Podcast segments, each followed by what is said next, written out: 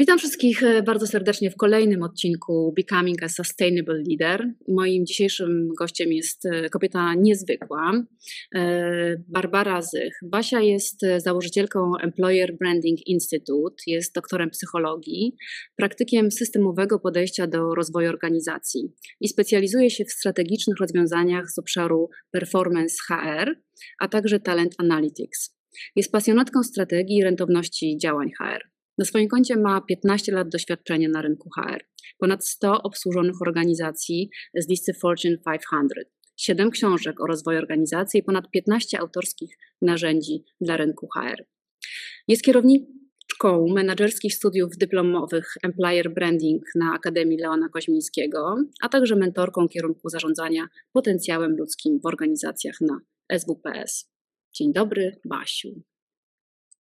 Dzień dobry, witam serdecznie. To za piękne przedstawienie. Zawsze się, zawsze się uśmiecham, jak ktoś mnie przedstawia. Człowiek jakby nigdy, znaczy rzadko to słyszę w takim wydaniu pełnym, więc e, miło posłuchać i zweryfikować od razu szybko, co jest już prawdą, co nie jest prawdą i czy tak o, o sobie myślimy też. Nie? Myślę, że to fajne też, fajny eksperyment do zrobienia. Dziękuję Ci bardzo za ładne przedstawienie. Jesteś piękną osobą, więc e, ładne przedstawienie Ci się bardzo należy.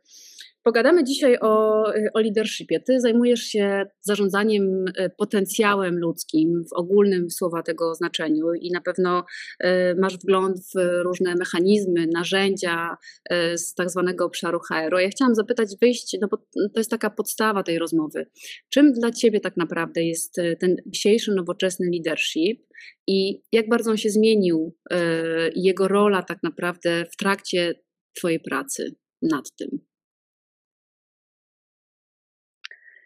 Dziękuję w ogóle za, za to pytanie i w ogóle dziękuję za zaproszenie. Może w, pierwszym, w pierwszych słowach powiem tylko zaproszenie, bo wydaje mi się, że, że to jest chyba ważne dla całej naszej dyskusji i też mojej opowieści o tym i moich przemyśleniach, doświadczeniach.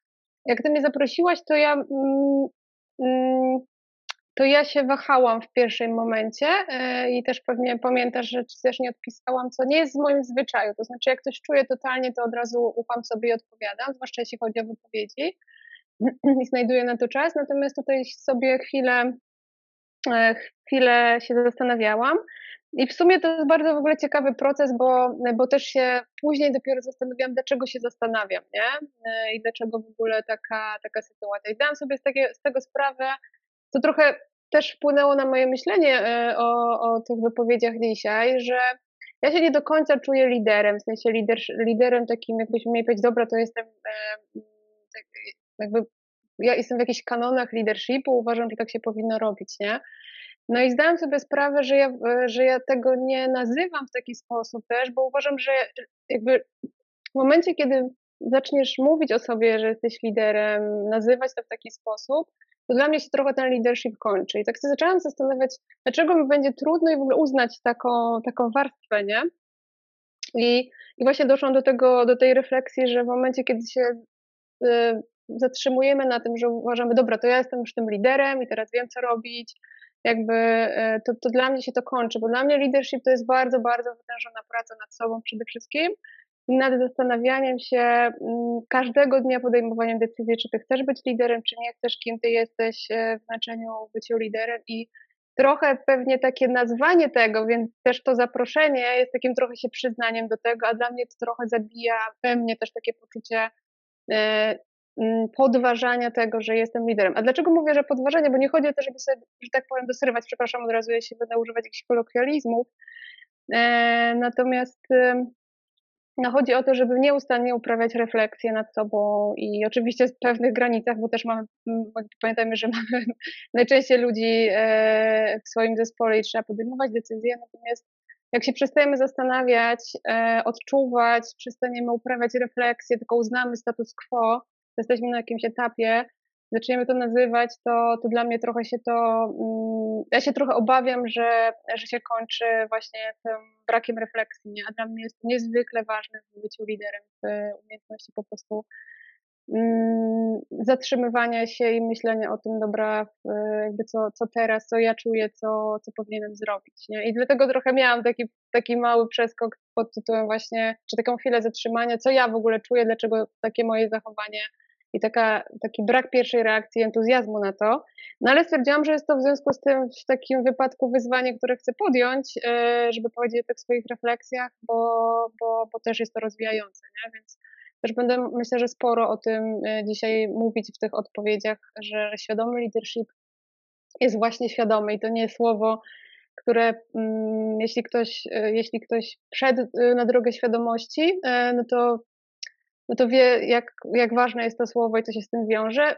Bardzo mm, taki efekt ubocznej świadomości, który w ogóle nie tylko w leadershipie, ale w ogóle w życiu świadomym jest taki, że, się, że nie ma niestety drogi odwrotu i zawsze nad tym ubolewam.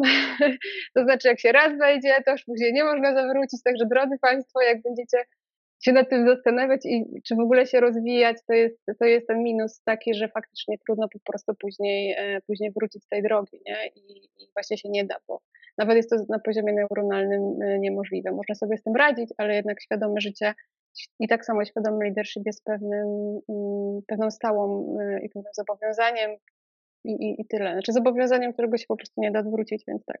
No więc jakby tyle w kontekście takiego wstępu. Bo dla mnie to samo było takie przeżycie, które zresztą stosuję codziennie w swoim życiu, pracy i też obserwuję e, u innych. E, właśnie takiego momentu zatrzymania się, jeśli mówimy, bo dużo się też mówi dzisiaj o integralności liderów i też pewnie o tym powiemy i to też jest znowu takie słowo, które fajnie wygląda w gazetach e, i nawet w, w, w grubych książkach, natomiast pytanie, co to dla nas znaczy, co to faktycznie jest, bo dla mnie integralność to jest taka całościowa integralność przede wszystkim z emocjami, rozumieniem siebie e, versus podejmowanymi decyzjami, versus biznesem, którym jesteśmy, versus potrzebami ludzi, którymi zarządzamy, nie? I tutaj po prostu można się totalnie rozjechać naprawdę w różnych, w, różnych kierunkach i, i trzeba do siebie wracać i umieć do siebie wracać. Więc to takie zatrzymanie i pomyślenie, kurczę, coś mi nie pasuje. No jakby jakby fajne zaproszenie, fajny podcast, jakby lubię, a jakby nie mam takiej pierwszej reakcji, że, że, że, że, że chcę, tak? I, I to było dla mnie taką, takim właśnie pretekstem do tego, żeby się zastanowić, o co mi chodzi e, w sobie. Myślę, że to jest mhm. bardzo, bardzo mocne narzędzie lidera, ale trzeba je też umieć robić i no może powodować trochę problemów, że tak powiem. Tak jak każda świadoma istota, która myślę, że się w ogóle świadomość ma to do siebie, że trzeba sobie umieć z nią radzić. To prawda. Zanim wiesz, co przejdziemy do tego świadomego lidera, to tak e, a propos tego, co mówisz, bo przyszło mi e, do głowy mm, jakby jak to jest z tym definiowaniem lidera? Bo zobacz, ty mówisz, że trudno ci się samej zdefiniować i nazwać się liderem, także czujesz się liderem. No i właśnie jak to jest? Jak ty myślisz? Czy to jest tak, że ci liderzy, którzy sobie występują w przyrodzie, nazwijmy to, czy oni myślisz się definiują, czy to jest takie samo definiowanie się, czy oni jednak są zdefiniowani zewnętrznie? Jak to jest częściej? Mhm. Wydaje mi się, że to są różne drogi, nie? E, w sensie są osoby, takie no chyba najbardziej dwa podstawowe kierunki, są osoby, które mają naturalnie charyzmę e, i ciągną za innymi, e, za in, ciągną inne osoby za sobą. Ich zadaniem jest wtedy z tej decyzja, czy z tej charyzmy skorzystać, czy nie. Oczywiście nawet nie muszą jej podejmować, czasami po prostu idą do przodu i naturalnie budują czasami z sukcesami wielkie biznesy, e, czy wielkie grupy, czy wielkie rzeczy, które, które, które potrafią robić. Bo to wcale nie znaczy, że musi ta im się świadomość włączyć, ale, ale dobrze by było i jakby takie, na takiej naturalności, predyspozycjach, bo nie ukrywajmy po prostu, nie, różnimy się, tak? Jakby to jest piękne, natomiast niektórzy mają to po prostu w sobie fajnie, że w pewnym momencie stwierdzam, dobra, to ja to wykorzystam, będę tym świadomie zarządzał, bo ja jednak uważam, że jednak świadomy leadership jest, jest potrzebny i jakby też na takim tylko hura i takich predyspozycjach mm, za długo nie można pojechać, bez krzywdy dla innych i bez odpowiedzialności. E, natomiast y, i to jest jedna taka ścieżka najbardziej naturalna i ci liderzy są najczęściej bardzo widoczni, charyzmatyczni i, i, i tych widzimy i podziwiamy, co nie znaczy, że oni na co nie pracują. Natomiast druga ścieżka myślę, że jest taka to jest mój na przykład, przy, na przykład przykład. To jest moja sytuacja, gdzie ja absolutnie pochodzę z domu, w którym wymiar władzy i w ogóle odczuwania władzy nie istniał, nie? W sensie mm, dla mnie to jest gęsia skórka, jeśli ktoś nadużywa władzy jakkolwiek. Nie mówię tylko o werbalnej, fizycznej, ale na przykład ja konsultuję dużo organizacji I jakby w korporacjach, zwłaszcza w rozrośniętych strukturach, ale też w małych firmach, umówmy się, może coś takiego występować. No, jednak w pewnym momencie potrzeba, potrzeba hierarchii, potrzeba, potrzeba struktury i to też jest potrzebne. To też jakby też dyskusja o tym, jak funkcjonują turkusowe organizacje na przykład, ale gdzieś tam ten wymiar władzy absolutnie dla mnie jest e, trudny do przejścia i to też jest moja, zresztą moja, mój rozwój na tym wymiarze. Natomiast powiedzmy, że są osoby, które chcą e, realizować pewną wartość, wizję, misję, biznes, pomysły, nie? I jakby wiedzą, że nie zrobią tego same, muszą e, w pewnym momencie przychodzi taki, taka, tak, taki moment, gdzie musisz, zdajesz sobie sprawę, że musisz e, to zrobić kimś, tak? Bo, bo, bo musisz mieć zespół, to wymaga większej, większej grupy. No i musisz po prostu wejść na tę drogę bycia liderem i w jakiś sposób się uczyć tego e, i w jakiś sposób zarządzać, żeby zrealizować ten swój pomysł czy misję. No i to wydaje mi się, że jest, nie wiem czy trudniejsza, myślę, że każda z tych dróg jest wyjątkowo trudna. W ogóle chyba cię będę mówić, to jest w ogóle trudna rzecz, ja nie wiem, czy się wszyscy nie zniechęcą do bycia liderem, ale ta druga droga jest taka bardziej mm, przez naukę tego, co działa, co nie działa i bez tych takich naturalnych gdzieś tam predyspozycji. I myślę, że każdy ma, to jest wymiar, nie? W sensie myślę, że każdy gdzieś jest na jakimś etapie, to nie jest zero-jedynkowe, ale bym powiedziała, że to są dwa, dwa, takie przykłady skrajne, nie? Albo najbardziej typowe, ale skrajne, z, z dwóch końców skali. Mhm. To jakich narzędzi potrzebujesz, jak idziesz tą drugą drogą? Czyli no, masz trudniej, bo nie masz łatwiej, nie masz naturalnej charyzmy, naturalnych predyspozycji. To co wtedy tak naprawdę pomaga ci w tej drodze?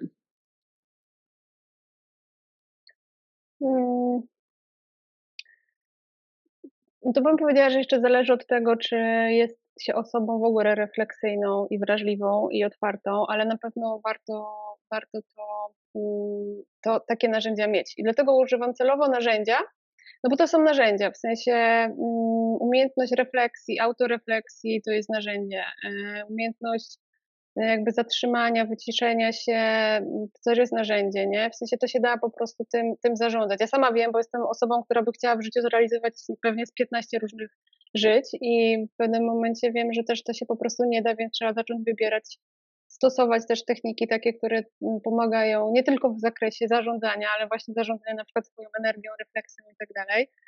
E, no więc zdecydowanie te umiejętności zatrzymywania się, myślenia o tym mm, w taki sposób, o sobie w ogóle, gdzie, gdzie my idziemy, umiejętność wyboru celów, swoich, nie swoich. Mm, no i później, i to jest chyba najważniejsze, to jest jakby taka podstawa, którą się niestety trochę nabywa z doświadczeniem i trzeba zrobić trochę błędów, mm, więc to nie jest tak na samym początku. Później mamy takie techniczne umiejętności pracy z ludźmi, ja bym powiedziała. Nieważne, czy jesteś liderem, czy nie menedżerem, no to musisz, to musisz też pewne kroki przejść. A takie podstawowe narzędzia słuchania, to, to jest oczywiste, ale ja zawsze mówię, to oczywiste rzeczy się dopiero w praktyce wychodzą. Umiejętność feedbackowania, umiejętność w ogóle wyjścia spoza siebie i jakby takiego to się nazywa w psychologii decentracją, czyli jakby zobaczenia innego człowieka nie przez swoje, nie przez swoje oczy, nie? I jakby też wysłuchania i zobaczenia, co z tego wynika. Cierpliwość to też jest narzędzie, słuchajcie. Ja, ja naprawdę lata za mną po prostu ćwiczenia cierpliwości i czekania na to, aż ktoś zrealizuje swój potencjał, bo widzę ten potencjał, bo czekam na to, bo wiem, co trzeba zrobić, żeby i, na, i ta cierpliwość też się w pewnym momencie staje narzędziem, bo trzeba powiedzieć, dobra, no to teraz to jest taki okres, gdzie, gdzie trzeba wytrzymać. Więc jest tych, e, no to jest jakby dużo rzeczy e, i taka praca z ludźmi. Nie mówię o narzędziach typowo technologicznych, bo dzisiaj mamy do dyspozycji takie rzeczy. E, mamy już systemy, które pozwalają wspierać liderów, menadżerów, nawet w mikro rozwoju pracowników na podstawie tego, jak się szybko uczą z wykorzystania na przykład sztucznej inteligencji. W Polsce jeszcze tych systemów nie ma, ale już są takie bardzo realne, konkretne, namacalne, mm, wsparciowe technologie. Natomiast, bo to jest w ogóle mój konik, technologia też w zarządzaniu ludźmi, natomiast e, nie chcę o tym mówić, bo ja, ja zawsze mówię taką rzecz, że technologia może być najlepsza, ale jak nie ma w środku kontentu, nie ma człowieka, który myśli w tym wypadku, no to po prostu to nic nam nie pomoże, nie działa. I tak samo jak ustawiamy procesy, nie wiem, employee brandingowe w organizacjach, mogą być świetne technologie, natomiast jak nie ma tam wsadu dobrego mm, kontentu, to to po prostu nie zadziała. Jak nie ma kultury, nie ma liderów, bo to też jest duże wyzwanie obecnie. Więc, więc ja bym powiedziała, że niestety ta praca ze sobą, praca, narzędzia pracy z ludźmi to jest, to jest taka podstawa.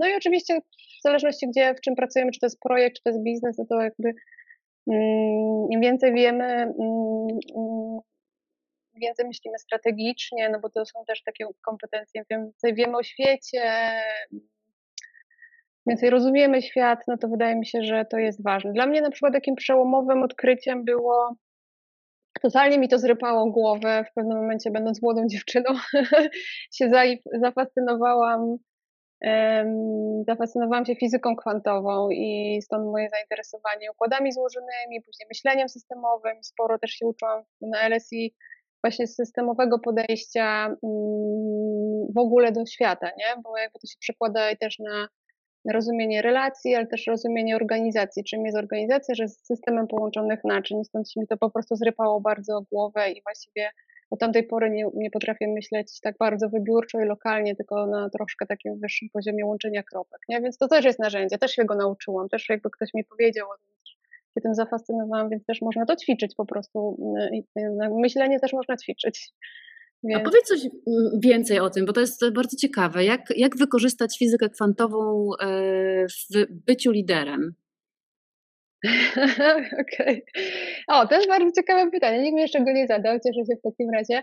Wiesz to jakby nie chcę wchodzić w takie technikalia, bo też nie jestem fizykiem, ale ja się, moje zainteresowanie się wzięło stąd, że jakby w fizyce kwantowej mamy tą taką zasadę, która oczywiście jest ona spłaszczana, że tam trzepot motyla w Brazylii może spowodować e, huragan w drugiej części świata. I trochę faktycznie tak jest fizyka kwantowa jednak zakłada, że mamy sieć powiązanych naczyń e, i na siebie wpływających, plus tam jeszcze dodatkowe, dodatkowe jak się ten jak się ten układ zachowuje, że mamy powiedzmy atraktory, atraktory mogą być statyczne, mogą być dynamiczne, wokół których oscylują te systemy, czyli to nie jest tak, że cały czas żyjemy w chaosie, E, natomiast, e, natomiast jakby no, chyba z tego wszystkiego dla mnie było najważniejsze, no i oczywiście e, dla mnie było najważniejsze to, że mamy wzajemny, że jakby mm, żyjemy w systemie, w sensie, że wszystko jest jakimś systemem naczyń połączonych i mniej lub bardziej na siebie wpływa.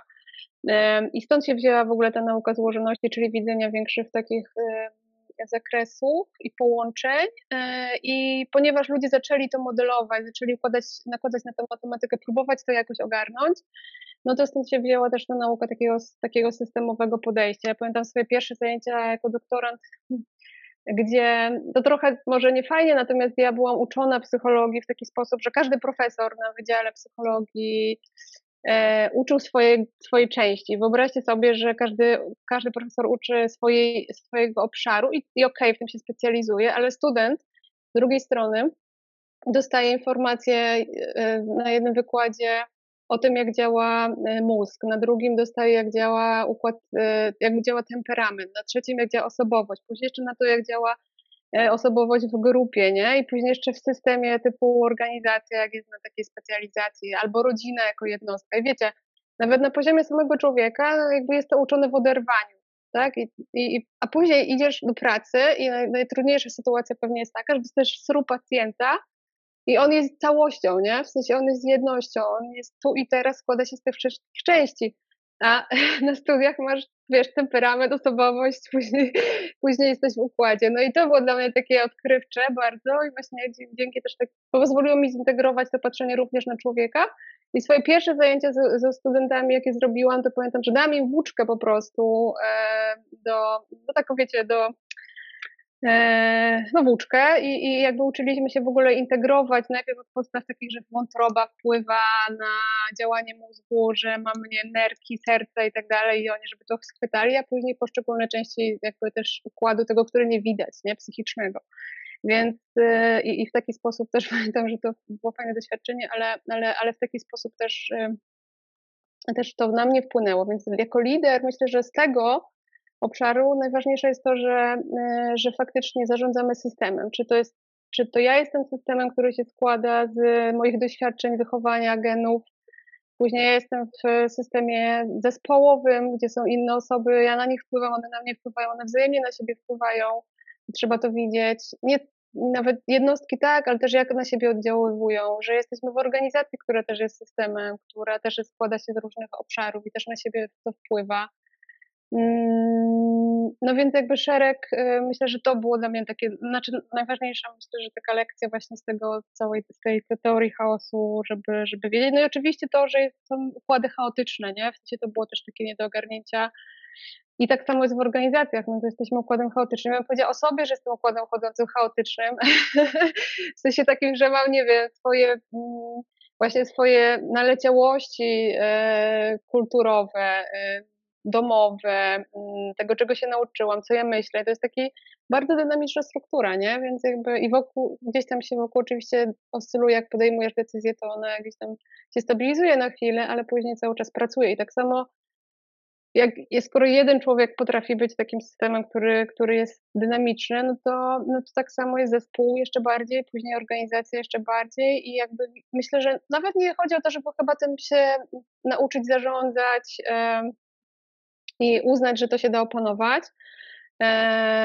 Natomiast myślę, że najważniejsze jest to, żeby uznać, że jest to, e, że jest to system i że on jest chaotyczny i umieć rozpoznać, w którym momencie ten chaos da się kontrolować i trzeba go kontrolować, a w którym sobie można powiedzieć, że przy transformacjach tak na przykład jest to jest bardzo ważna rzecz, że ludzie nie odróżniają, co jest zmianą, czy jest chaosem wywołanym ze zmiany, ze zmianą, ze zmiany i to jest kontrolowalne i trzeba na to pozwolić, versus co jest totalnym chaosem, który jest nie do ogarnięcia i, i ludzi wpędza w duży lęk, nie? I, i, i kiedy, które sytuacje, m, mm, która występuje kiedy, to są inne techniki działania po prostu. Mhm. No. Super, to jest e, ciekawe. Tak bo wyobraziłam to sobie rzeczywiście jako taki w ogóle e, cały ten świat w mikro i w makro skali, jako system tych naczyń połączonych i jakoś od siebie uzależnionych. I stąd tak, pytanie numer jeden. Jeżeli tak jest i rzeczywiście jesteśmy takim systemem, teraz przechodzimy rzeczywiście jakby w ogóle ta definicja leadershipu i w ogóle cały świat przechodzi ogromną transformację, to myślisz, że e, od czego to się zaczęło? W takim sensie, kto był tym motylem i jak myślisz, w którą stronę to zmierza?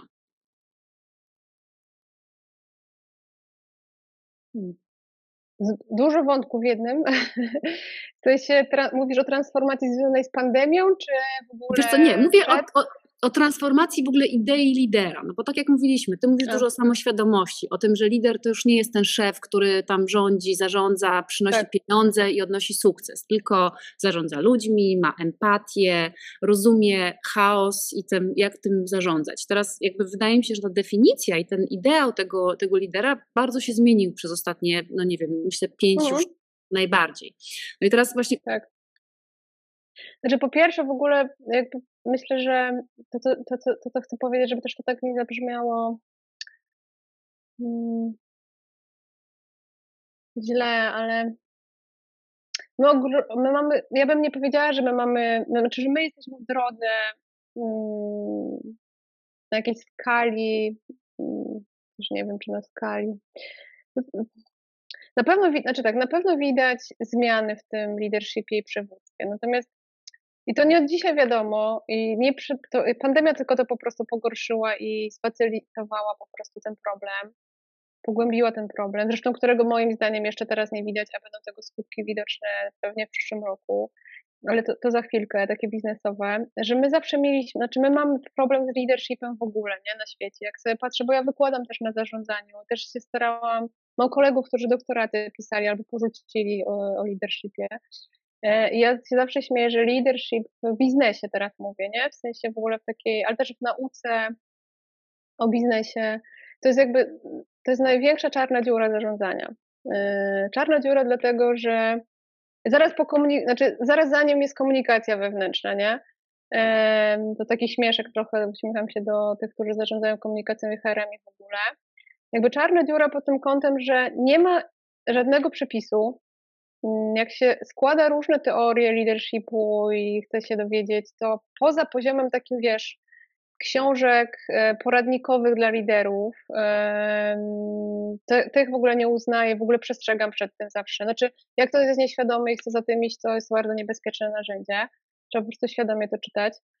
E, no to, to po prostu jest bardzo mało takiej ustrukturalizowanej wiedzy. No powiedziałabym, że ona jest po prostu chaotyczna, nie? W sensie nie możesz sobie tego poskładać w jedno. Jak się zabierasz do wykładania leadershipu, no to oczywiście jest, i znowu trochę to jest takie wykładanie, jak tej, wiesz, psycholog, psycholog uczony po kawałku e, o człowieku, no to też są, no to jest taka teoria. Mamy no jakby kilka fajnych teorii, które pracują, ale one pracują lokalnie. Jak sobie to chcesz zintegrować, no bo ty musisz w końcu wyjść rano, wyjść do ludzi, albo ich gadać z nimi na Teamsach, no i, no i musisz wiedzieć, co robić, nie? Więc jakby pod tym kątem myślę, że to jest czarna dziura, e, że nie ma, ja przynajmniej nie znam jakiejś, nie wiem, jednej ogólnej, sprawdzonej, e, nie chcę powiedzieć teorii, ale jakiegoś frameworku, który można by powiedzieć, dobra, to tak działa, nie? No i jakby, i, i to jest jedna rzecz, bo to, mm, i to jest jedna rzecz. Druga rzecz, że zmienia się też po prostu sposób prowadzenia biznesu. No a liderzy odpowiadają za dowożenie strategii biznesu, tak? No więc skoro się zmieniają modele biznesowe, świat się zmienia, to co teraz mamy, to jakby też jest jakby bardzo duża zmiana w kontekście chociażby zarządzania zespołami rozproszonymi, zdalnymi, który nie był, nie był przygotowany na to, no jakby były wybrane firmy, nie? A teraz trzeba ogarnąć i dość, że mm, proces to jeszcze y, się zaopiekować ludźmi. Y, ale wcześniej w ogóle jakby zarządzanie, ale w ogóle HR-y to się wzięły mm, jakby swoją historię na przykład narzędziową, mają w ogóle w, wiesz, w wojnach, nie? W sensie w II wojnie światowej, stąd się wzięły, zaczęła się profes- jakby techniki używane i narzędzia na przykład selekcji do wojska mm, były podstawą do po prostu rozwoju, rozwoju narzędzi zarządzających. No i jakby jeśli ktoś zarządzał wojną, czy wojną, w wojskiem, no to wiadomo jaki tam styl zarządzania. Zresztą Simon Sinek akurat Jestem sceptyczna co do, do, tego, do tej osoby, znaczy też uważam, że trzeba ostrożnie podchodzić, ale on akurat fajnie nawiązuje do wojska, bo był, bo był w strukturach i fajne, i fajne rzeczy można tam się tam sobie poczytać. Natomiast w ogóle jest dużo z takiego militarnego podejścia. No i zakładam, że idziemy od tej strony, a jakby wychodzimy stamtąd, idziemy do sytuacji, która jest daleko różna, zmieniają się oczekiwania, zmienia się świat, zmienia się sposób myślenia, Teraz jeszcze mamy kolejną zmianę w kontekście, w kontekście przyspieszonej digitalizacji i rozproszonego zarządzania, a za chwilę jeszcze będziemy w następnym, e, w następnym etapie, gdzie będziemy robotami musieli zarządzać i ludźmi, którzy z robotami współpracują. No to po prostu jak jesteś, wiesz, liderem, który odpowiada za jakby wiele aspektów tego, ale musi jakby pewne rzeczy wdrażać, no to no to może i dobrze, że nie ma żadnej teorii, bo jakby się, jakbyśmy się trzymali jednej, e, no to, no to ona by była pewnie albo musiała się aktualizować co chwilę, albo nie być adekwatna do, do rzeczywistości, nie? Więc, więc ja to zawsze mówię, że to jest taka czarna dziura, ale, mm, ale może dobrze, że ona jest utrzymywana na takim poziomie, że cały czas szukamy tego sposobu. Ja oczywiście nie mówię o, takich, o takim myśleniu, bo się odnoszę do świadomych liderów, którzy szukają też y, y, jakiegoś sposobu, no bo oczywiste, że jeśli ktoś zarządza w taki sposób folwarczny, to, to Jacek Santorski dużo o tym mówi, określając polskich przedsiębiorców i jakby mm, radykalnie jakby no nie jest po prostu człowiekiem w tym swoim odnoszeniu się do świata i nie powinien w ogóle zarządzać zespołem. No ja nie mówię o takich przykładach, nie? Myślę, że mamy też tutaj słuchaczy, którzy są w poszukiwaniu i już jakby szukają e, rozwiązań, więc weszli na drogę świadomości. Więc e, ja bym nie chciała powodować, że, że, że, że damy jakiś skrót czy przepis na to. Nie wiem, czy nie lepsze jest jakby ta e, definicja, że, żeby faktycznie szukać nie, cały czas i być mega uważnym. Ja w ogóle uważam, że bycie liderem jest to najtrudniejsze i to do tego, cały czas o tym mówię i bardzo widzę, jak ludzie, jak ludzie na to reagują i trochę jest taki papierek dla mnie lakmusowy, czy oni już są świadomymi, e, są na tej drodze świadomego lidera, bo ja często, często mówię o tym, że, że, że, że liderem jest mega trudno być, to jest tak jak bycie rodzicem, no bo mm, po prostu jesteś w każdej sekundzie, nieważne co robisz, jesteś pod, podlega, znaczy na, mm, wychowujesz kogoś. To jest w takim sensie wychow, wychowania, że jesteś na świeczniku cały czas. Um, I twoja każda decyzja, twój uśmiech, e, twoje dobry humor lub nie, e, jakby modeluje innych ludzi, na to patrzą, nie? No i jeśli cały czas jesteśmy na tym świeczniku i musimy sobie z tego zdawać sprawę, no to jest to mega obciążające. E, nawet tak energetycznie, nie? W sensie, i, i tutaj myślę, mm, ta integralność e, myślę, że na tym rozjeżdża często, no bo po prostu e, trudno jest być świadomym i wiedzieć, że oddziałujesz na kogoś cały czas, a jednocześnie być sobą i tutaj się rozdźwięk pojawia. Ale to mega trudne zadanie, bo i dlatego tak jest trudno budować kulturę organizacji i trudno jest to zrozumieć, bo najczęściej biznes, biznes, szefowie, ludzie nie rozumieją, że kultury się nie buduje przez nazwanie wartości, przez piątki owocowe, przez, nie wiem, raz do roku imprezę integracyjną, nie?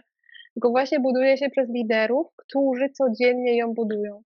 To znaczy na takim poziomie e, granulacji, że to, czy lider wyśle w mailu e, swoją decyzję, znaczy jakby wysyłasz jakiś sygnał, wysyłasz maila, to on dotyczy całej organizacji, musisz o tym myśleć, zwłaszcza jak masz więcej osób w zespole, czy, czy w swoim zespole. To nie wysyłasz do jednej osoby, tak? Musisz myśleć o tym, co to powoduje w całym zespole, czy ludzie, którzy mają do ciebie zaufanie, to nie nadruszy ich zaufania, czy opowieści, które sprzedajesz, czy sprzedajesz w rozumieniu komunikacji są wiarygodne, uczciwe, spójne, czy ty wczoraj nie powiedziałeś czegoś, co dzisiaj zaprzeczasz.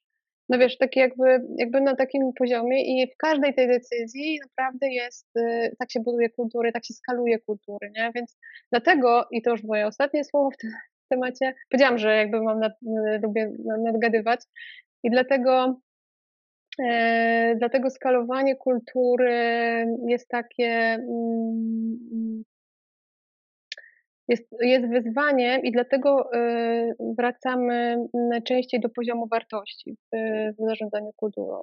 Tylko my często rozumiemy, dobra, wyznaczmy sobie, on też takie, takie doświadczenie, to wyznaczmy sobie te wartości i będziemy przez nie zarządzać. A powinno się to odbywać to właśnie od, jakby, to jest dopiero wracanie do wartości przez to, że rozumiesz, że jak musisz być integralnym liderem i podejmować szereg tych decyzji, to wartości ci pomagają po prostu, bo ty się trzymasz jakiegoś kręgosłupa, który jest najlepiej, żeby był spójny z tobą, albo jest w organizacji.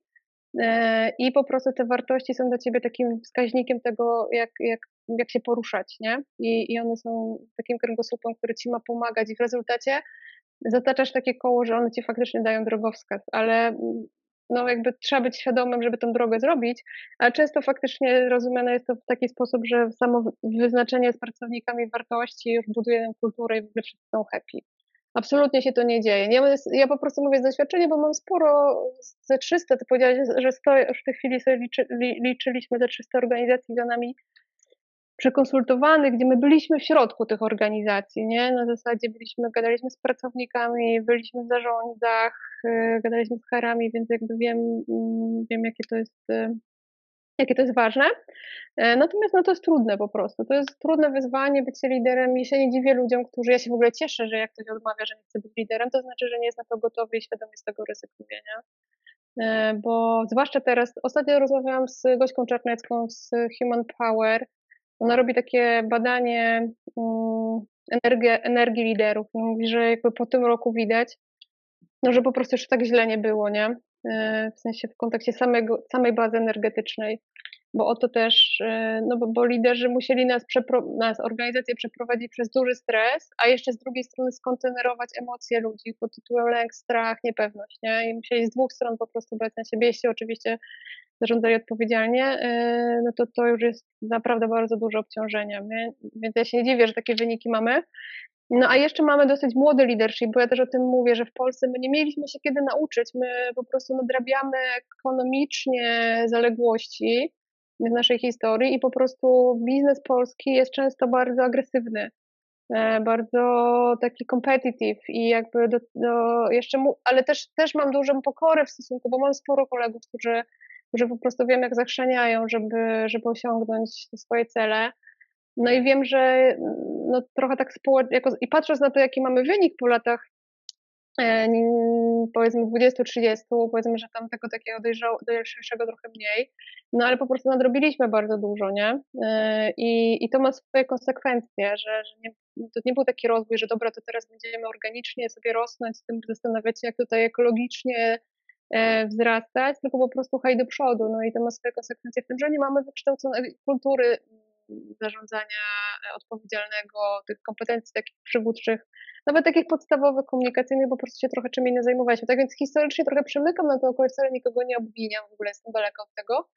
No ale patrzę na to, że jakby ta sytuacja teraz, na przykład z pandemią, jakby dodatkowo nałożyła jeszcze taki wysiłek, gdzie przy słabych skillsecie, czyli przy słabszych kompetencjach, no to już jest w ogóle dodatkowa, wiesz, yy, duża trudność, nie? E, no a Polska nie jest wybitna w tym leadershipie, to od dzisiaj wiadomo, ale wcale świat nie jest też taki super, nie? W sensie zawsze ja ostatnio bardzo dużo w biznesie um, realizuję z siebie po pandemii zwłaszcza. I tak idąc y, integralnie z, z, z, moimi potrzebami, faktycznie dużo odbywamy teraz spotkań na świecie z innymi po prostu agencjami, czyli takimi trochę kolegami po fachu, skalując tam jedno narzędzie, no i, e, i widzę po prostu z całego świata rozmawiamy jakby z kluczowymi, mniejszymi, większymi krajami, no i też po prostu rozmawiamy o kulturze, o tym, czego potrzeba, potrzeba jest tym pracodawcą na tamtych rynkach, jaki jest poziom świadomości, o czym się rozmawia, więc jakby też widać zróżnicowanie i też wcale nie, nie powiedziałam, że Polska jest na jakimś tam szarym końcu, nie? Więc akurat to fajnie. Sorry, to jest akurat możesz wyciąć, bo... Poruszyłaś bo... tyle fascynujących e, wątków, że teraz będziemy do nich, e, do nich wracać, bo e, cały czas przejawia się, mm, ciekawy też jest ten temat tej integralności, na pewno będę chciała o niego zapytać, ale wiesz co, wolałabym zacząć od tego znowu świadomego lidera, no bo mm, co to tak naprawdę znaczy? Wiesz, żeby to nie było znowu takie kolejne słowo, po czym to sprawdzić? E, skąd ja wiem, że jestem, e, że jestem już na tej drogi, drodze e, świadomego lidera? Jakie są praktyki, żeby w ogóle to praktykować? W których momentach zadawać sobie pytanie, czy masz takie mm, własne może doświadczenie, które gdzieś tam ciebie doprowadziły do tego, że byłaś bardziej świadoma? Jakim mhm, jest? Mhm. Jasne. Mm, wiesz co, czy to są znowu kilka pytań mi zadałaś w tym kontekście wydaje mi się, bo to jest też ciekawe pytanie, kiedy się zaczyna świadomość, nie? Mm, wydaje mi się, że się zaczyna, znaczy ja mam takie doświadczenia, zaczyna się z decentracją, czyli w momencie, kiedy ty potrafisz e, wyjść ze, swojej, mm, ze swojego ja mm, i zobaczyć siebie z perspektywy, to jest taki pierwszy krok. To znaczy, mm, jest nawet takie ćwiczenie, które, zresztą jestem po szkole psychoterapii, to też moje ciekawe doświadczenie życiowe. E, też kiedyś tak się tak porwałam. Zresztą bardzo fajne, bo, bo jest bardzo fajnym narzędziem, ale trzeba długo zainwestować, nieważne. Ale to takie ćwiczenie, które wiesz, e, polega na takim umysłowym ćwiczeniu. Od tego myślę, że warto zacząć, e, gdzie ty siebie widzisz, na przykład wyobrażasz sobie, nie wiem, siedzisz w kinie i oglądasz film, nie? Takie mentalną decentrację, że ty wychodzisz z siebie i coś widzisz, że coś robisz, że może najpierw, żeby to było nudne i jakoś nie tam strasznie trudne. No bo wtedy to nam pozwala, żeby zobaczyć w ogóle, że jesteś osobą, która, mm, że nie jesteś swoimi tylko emocjami i potrafisz w ogóle to zrobić. To jest takie pierwsze, pierwsze ćwiczenie.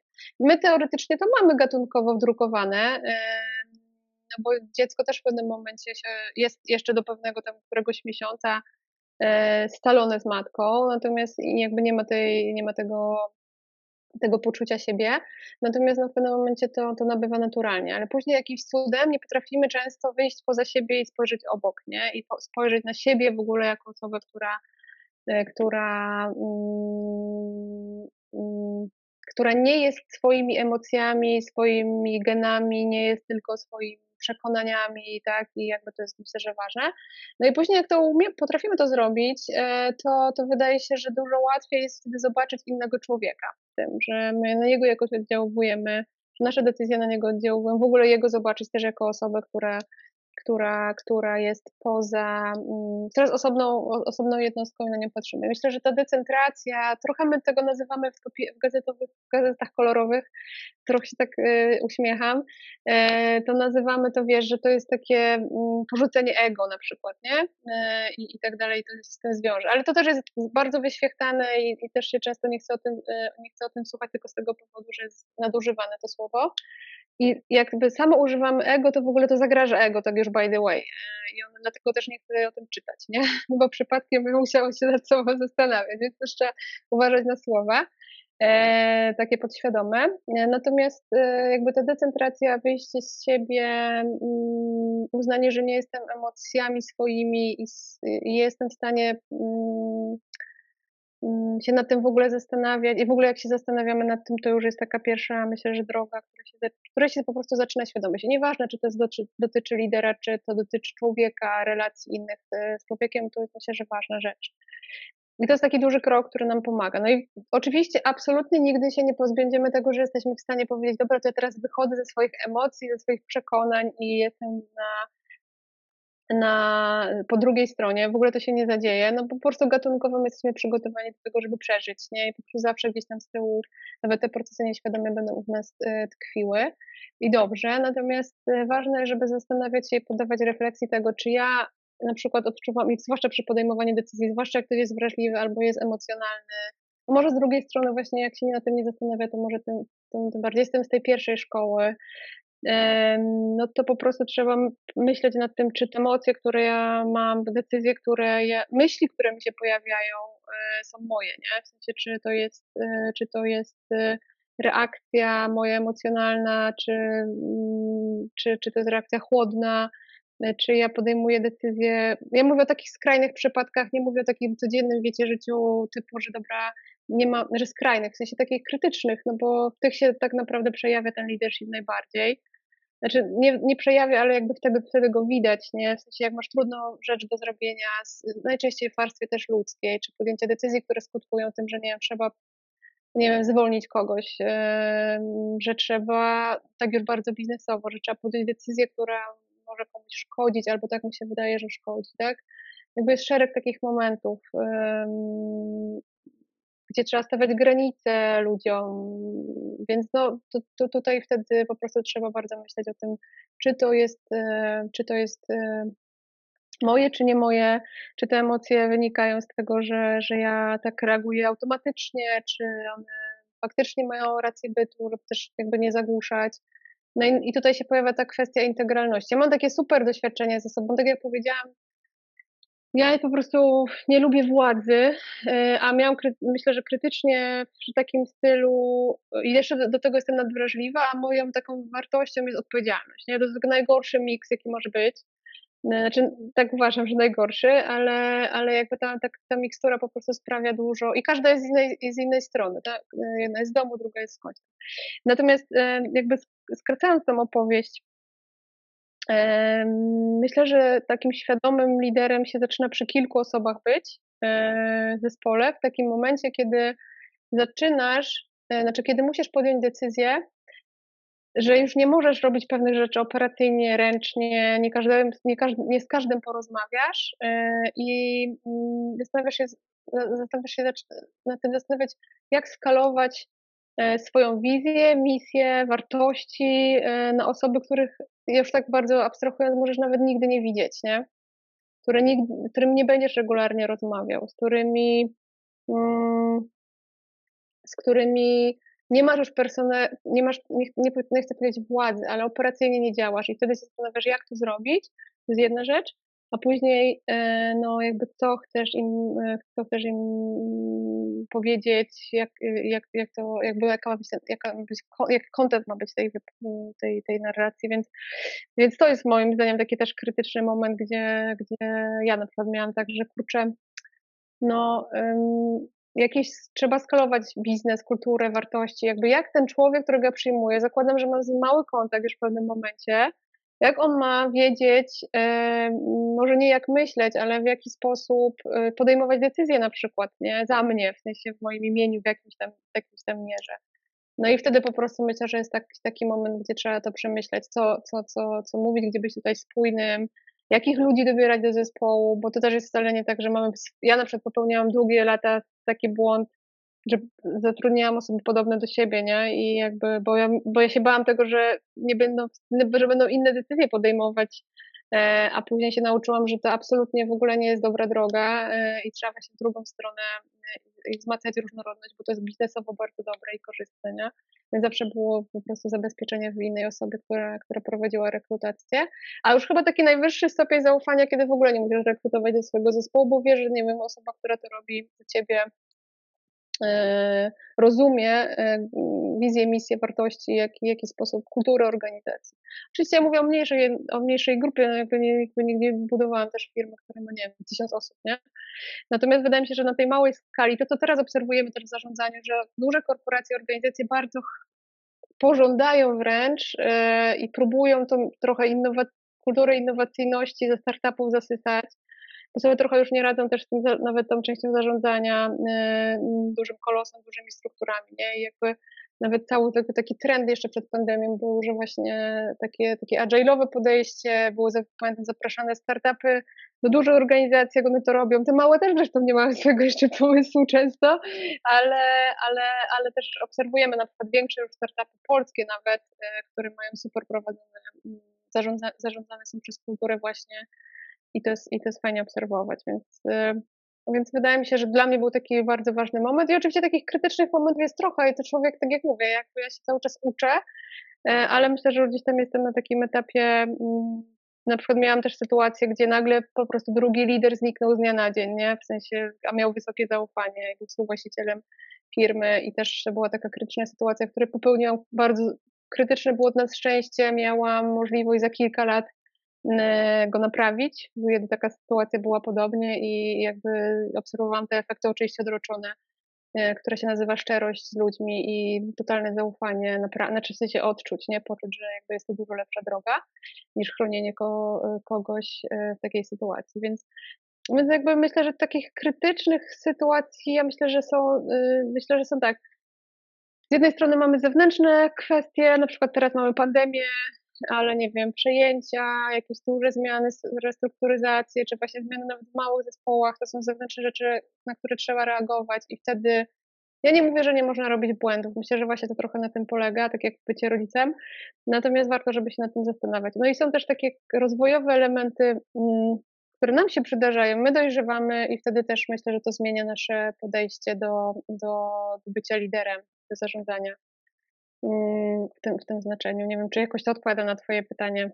Tak, to bardzo odpowiada na moje pytanie i, i zmierza ku, ku tej integracji, bo tak jak mówisz, że ta decentralizacja jest istotna po to, żeby e, zacząć wejść w ogóle na tą drogę świadomości, sobie obejrzeć siebie z pewnego dystansu jednak, e, oddzielonego od tych swoich wszystkich e, chociażby emocji. Na z drugiej strony tak. mówimy o tej integralności, która dla mnie jest też taką transparentnością pewną, czyli mhm że no, jesteśmy tacy przeźroczyści wszędzie, nie, nie, nie, nie dobieramy kolorów do, do, do danej sytuacji, tylko po prostu jesteśmy, jesteśmy sobą. No i jak to zrobić? Myślę, że najważniejsze najpierw ustalić ze sobą, e, kim jesteśmy i co chcemy. No i to jest najtrudniejsze. Znaczy, sorry. W sensie wiadomo, że też się nie odbywa, nikt nie, nie wstaje rano i powie, o dobra, to ja chcę być liderem, to ja najpierw zrobię to.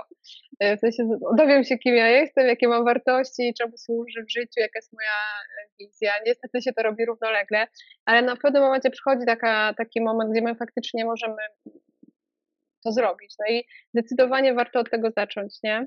E, bo jak my nie wiemy, e, co my chcemy, kim jesteśmy, no to absolutnie nigdy w życiu nie, nie będziemy w stanie utrzymać integralności z swoimi, nie wiem, zespołami, mm, znajomymi również, tak, jakby relacjami w życiu. No ale mówimy głównie o leadershipie takim, tak rozumiem, też biznesowym, więc jakby dobrze jest wiedzieć, e, mieć ustalone ze sobą, dobrze przepracowane, co, co, co, co, jakie my mamy potrzeby, cele, i to jest szalenie trudne, słuchajcie, bo my musimy pewne rzeczy odpuścić, nie? Na przykład w moim przypadku, no to ja muszę codziennie się mierzyć z tym, że ja bym na przykład chciała, nie wiem, teraz książki pisać, najlepiej o niebieskich strefach, bo mnie to interesuje i w ogóle być jeszcze w 10 miejscach innych, nie?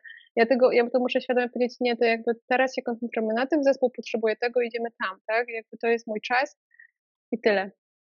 E, bo też miałam za sobą taką drogę tysiąca wątków i ludzi to strasznie rozpieprza, e, więc jakby też tak bardzo operacyjnie, nie? Ale to jest bardzo ważna droga. No i teraz, znaczy na, wa, ważny punkt, żeby to zrobić. Ja nie zazdroszczę wcale liderom w tym znaczeniu, bo ja osobiście znaczy ja uważam po ostatnich doświadczeniach, że każdy, każdy człowiek, ale lider na pewno powinien mieć obowiązkową psychoterapię.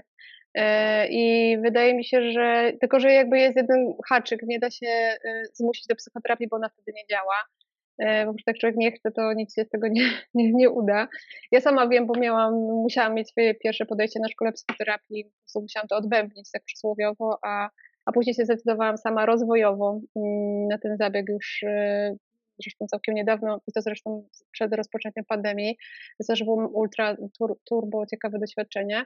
No ale mm, myślę, że to jest bardzo ważne, żeby po prostu się ustabilizować, kim my jesteśmy, co nie jest nasze, które emocje nie są moje, o co mi chodzi w życiu, jakby czego ja chcę i dopiero wtedy wejść świadomie, czy świadomie, no tak jak powiedziałam, nie robi się to skoko, znaczy nie robi się to krokowo, tylko najczęściej, ale jest zawsze na to przestrzeń, zawsze można się po prostu stabilizować. No i dopiero później możemy, mm, możemy mówić o tym, co, e, mm, co my innym sprzedajemy. Ja mam takie doświadczenie i też widzę w innych, e, i tutaj mi się wydaje, że z tą integralnością świadomą jest trudniej, bo jak nie jesteśmy świadomi, no to tą integralność mamy po całości. Jak ktoś jest skurczybykiem, to on po prostu jest skurczybykiem, każdy wie, że on tak jest. No chyba, że ma jeszcze, jest psychotopatyczny i po prostu ma jakieś swoje manipulacje i taką osobowość najtrudniejszą w biznesie, bo ją trudniej odczytać. Nie, każdy, nie wszyscy się orientują, część ludzi się gubi i daje się uwieść jest najgorszy typ. No ale powiedzmy, że jesteś takim stabilnym e, skurczybykiem, no to idziesz po prostu w zarządzanie, no i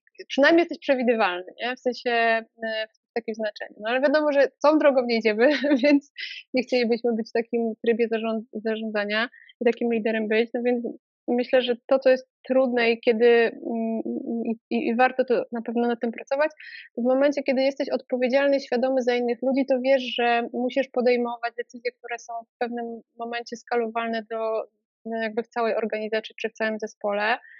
To po pierwsze, wiesz, że mm, część ludzi, część ludzi przychodzi do ciebie, bo czegoś potrzebuje, czegoś chce i trzeba to umieć odróżnić, czy oni tego chcą, czy potrzebują, czy inni tego też będą potrzebować, w którym momencie jest granica, ale też no, starasz się budować w jakiś sposób wizję, misję, biznes w ogóle, zwłaszcza przy mniejszych biznesach, jeszcze masz to ekonomiczne ciśnienie, nie? więc jakby to jest e, jakby trzecia rzecz, która cię pcha e, w, jakimś, w, jak, w jakichś decyzjach. No i generalnie w pewnym momencie masz jakby i ludzi, którzy czegoś potrzebują, czegoś chcą, i biznes, który czegoś potrzebuje. Ja w pewnym momencie mówiłam, że zarządzam na przykład relacjami z urzędem skarbowym i, i ZUS-em, jestem relation manager głównie. Nawet jeszcze masz taką stronę, yy, zwłaszcza w Polsce, przedsiębiorcy ją mają.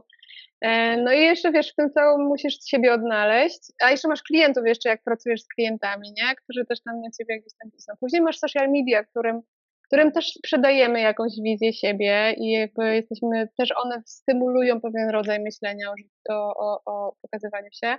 No i wiesz, i jakby masz duże, różne oczekiwania, nie? I teraz y, jak mm, nie będziesz wiedzieć, o co chodzi tobie, no to, to, to, to się po prostu totalnie pogubisz w tym, nie? I dlatego jakby jest taki moment, gdzie po prostu jest potrzebna szczera rozmowa ze sobą i później pilnowanie na maksa po prostu tego, czemu ty służysz, kim ty jesteś, czego ty chcesz, jakie masz wartości, bo inaczej po prostu się to rozjeżdża. Ja mam takie doświadczenie osobiste i wiem, gdzie jest ta granica, że w pewnym momencie mnie to przestało bawić i satysfakcjonować, bo mm, no bo to mi po prostu e, szkodziło i też innym ludziom szkodziło i jakby całemu ekosystemowi e, jakiś taki rozjazd. Natomiast na pewno jest pokusa, żeby się rozjeżdżać. Dlatego tak operacyjnie tą integralność rozumiem, wiesz, bo, bo żeby też jakby wyjść z tego takiego mm, słowa e, ładnego na, na, na tą część operacyjną, więc na pewno E, to, co ja, od czego zaczęliśmy naszą dyskusję, to tutaj wydaje mi się, że to jest właśnie też taka integralność, czyli zatrzymanie się i pomyślenie, dobra, czy ja tego potrzebuję, czy ja tego chcę, czy to jest e, dla mnie przede wszystkim ok, i później jak, jeśli już mam tę decyzję, to jak, co to oznacza dla mojego zespołu, co to oznacza dla organizacji, czy dla projektu, dla innych ludzi i później następna rzecz, jak to skomunikować, nie? I Mm, mm, no to są takie podstawy, natomiast wiadomo, że są różne sytuacje, typu duże zmiany, no to też wtedy trochę się bardziej procesowo do tego podchodzi. Ale to mi się wydaje, że ta integralność jest super. Ja na przykład ją zaczęłam rozumieć w ogóle całkiem niedawno, bo wcześniej byłam bardzo tak, e, właśnie podchodziłam ciągnięta za te, wiesz, różne sznurki, nie? Mm, oczekiwań, mojego rozumienia, spełniania tych oczekiwań, dopóki jakby się nie zintegrowałam wewnętrznie, no to, to, to, to było mega mm, wyk wykańczające. Nie? I też dla ludzi, jakby też sobie zdaję sprawę z drugiej strony, no bo, no bo też potrzebują ludzie integralności, rozumienia, jakby prowadzenia, nie? Więc y, są takie wyjątki oczywiście, jak mamy na przykład zmianę, dużą transformację, no to czasami lider to jest ta osoba, która ratuje w chaotycznych, mega e, dużych zmianach e, sytuację, bo wtedy jak nic jest potrzebne silne przywództwo. Na przykład E, które czasami, które w ogóle jest potrzebne silne przywództwo, ale czasami jakby w, w takich sytuacjach e, mamy większą większe przyzwolenie na takie, na takie błędy operacyjne. W sensie nie chcę powiedzieć, że, że znaczy operacyjne jakieś mniej istotne rzeczy się wtedy. Dajmy na to, mamy pandemię, tak? Jakby pierwszy taki bardzo duży stresor, bardzo nieznany, e, przeprowadzenie ludzi przez, e, przez taką sytuację jako lider. E, ale to przypomina czasami, nie wiem, kwestia merge'ów, sprzedaży, dużych restrukturyzacji albo zmiany w ogóle spivotowania biznesu, pójście w drugą stronę. To wszystko rodzi lęk dla ludzi i trzeba po prostu wtedy silnej ręki w takim rozumieniu misji, wartości, powiedzenia, dobra, my tam idziemy i dania ich chociażby takim przekazem i spójności na tym poziomie takiej, wiesz, ostoi, nie? Tego, że faktycznie mają się czego trzymać i, i wierzą w to, że, że jest tam gdzieś na, na końcu tak te, ta planowana rzeczywistość. I wtedy te rzeczy, które się dzieją na przykład przy, nie wiem, procesach, tego, że nie wiem, mamy gorsze warunki chwilowo, tak, e, no możemy sobie wtedy na to pozwolić, jest na to przestrzeń. Natomiast no wiadomo, to, jest, to są wyjątkowe sytuacje, więc ta integralność wymaga takiego fokusowania się też lokalnego na jakiś, na jakimś wycinku. Nie, nie musi być wtedy lider w całości, bo nagle no nie wyobrażam sobie, żeby w takiej trudnej sytuacji zarządzać e, e, w taki sposób standardowy. No. No, to tak, to tak, takie moje wizja, ale... Wspaniała, czyli tak naprawdę e, znowu e, wszystko jest o tym, że musimy zacząć od siebie i tak naprawdę o, tak. definiować, trochę uzdrowić, bo też czasami mamy sporo tam różnych e, no, chcianych, mniej chcianych i zupełnie niechcianych mhm. rzeczy wpychanych w środku, które wychodzą i rezonują, tak jak powiedziałaś gdzieś tam na początku, bardzo mi się to podoba, że, e, że ten lider, który wychodzi z tej twojej odpowiedzi, to jest taki, taki lider, który bierze odpowiedzialność za to, że rezonuje na, na wszystko tak naprawdę, e, za co bierze odpowiedzialność tak. dookoła i to jest strasznie fajne, bo wydaje mi się, że to jest, to jest jego ogromna siła, ale też ogromne obciążenie, tak jak powiedziałeś, że to jest bardzo, bardzo trudne, żeby, żeby wiedzieć, co tak się e, dzieje. Tak, tak, zdecydowanie. Ja tylko bym jeszcze dodała, że mm, też ten lider jeszcze dodatkowo musi mieć czas dla siebie, nie? W sensie mieć przestrzeń.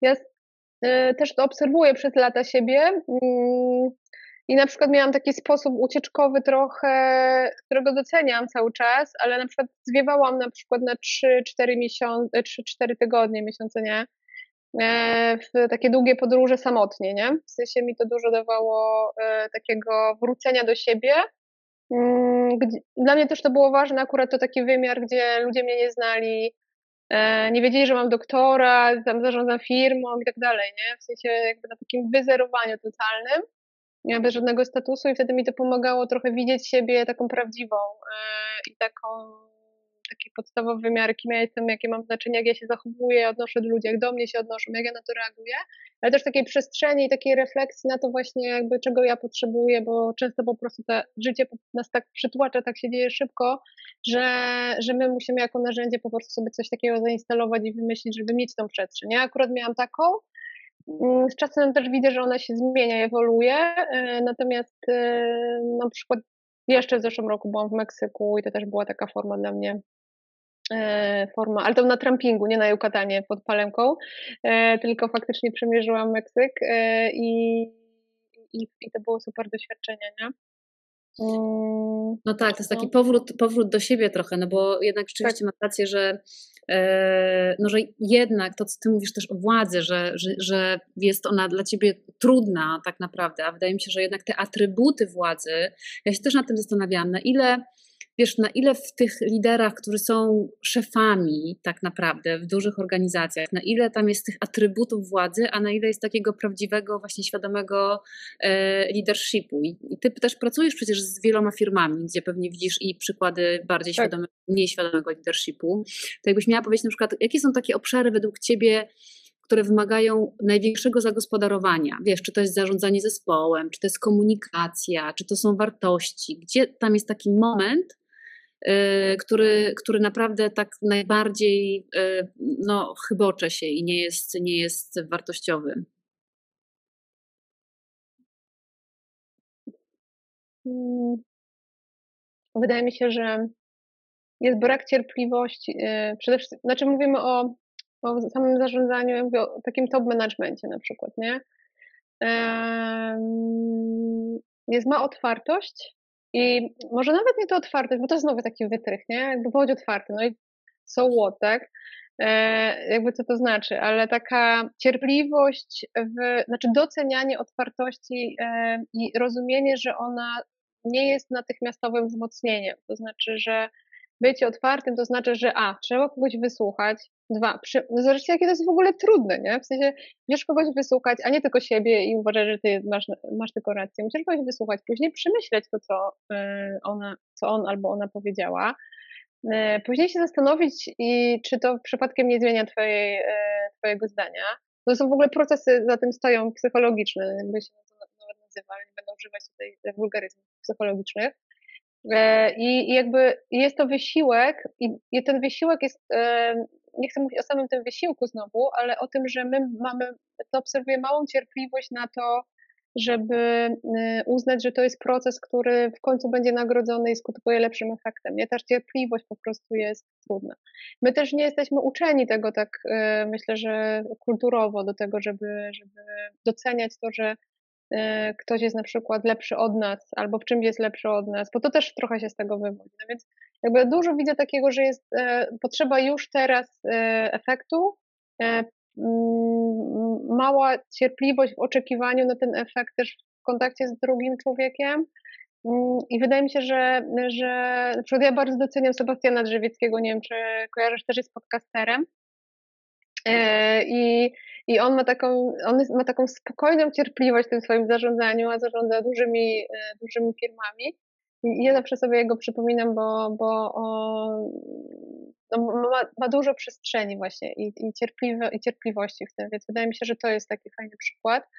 Natomiast e, zdecydowanie, e, jak już byśmy zeszli niżej, bo mamy taki poziom executive teamu, powiedzmy, i tam po prostu bardzo jest, to jest po prostu taki typowy role modeling, jak masz rodzinę, to dzieci się uczą po prostu, co można, czego nie.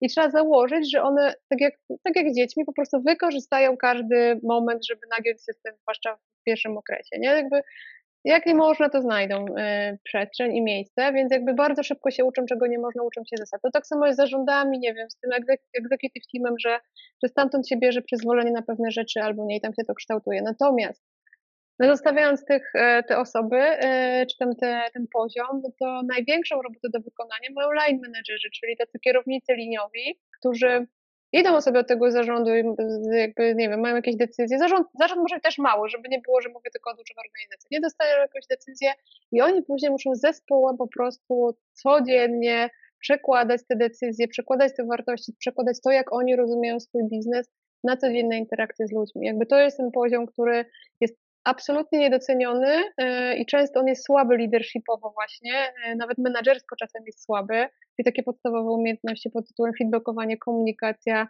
e, trzymanie zasad w podejmowaniu decyzji jest po prostu słabe. Natomiast myślę, że to jest taki poziom, który. I, a, a to nie od dzisiaj wiadomo, że to jest jakby jak się postawi na kierowników liniowych, na ten management jest po prostu najważniejszą, najefektywniejszą, najefektywniejszym sposobem, nie?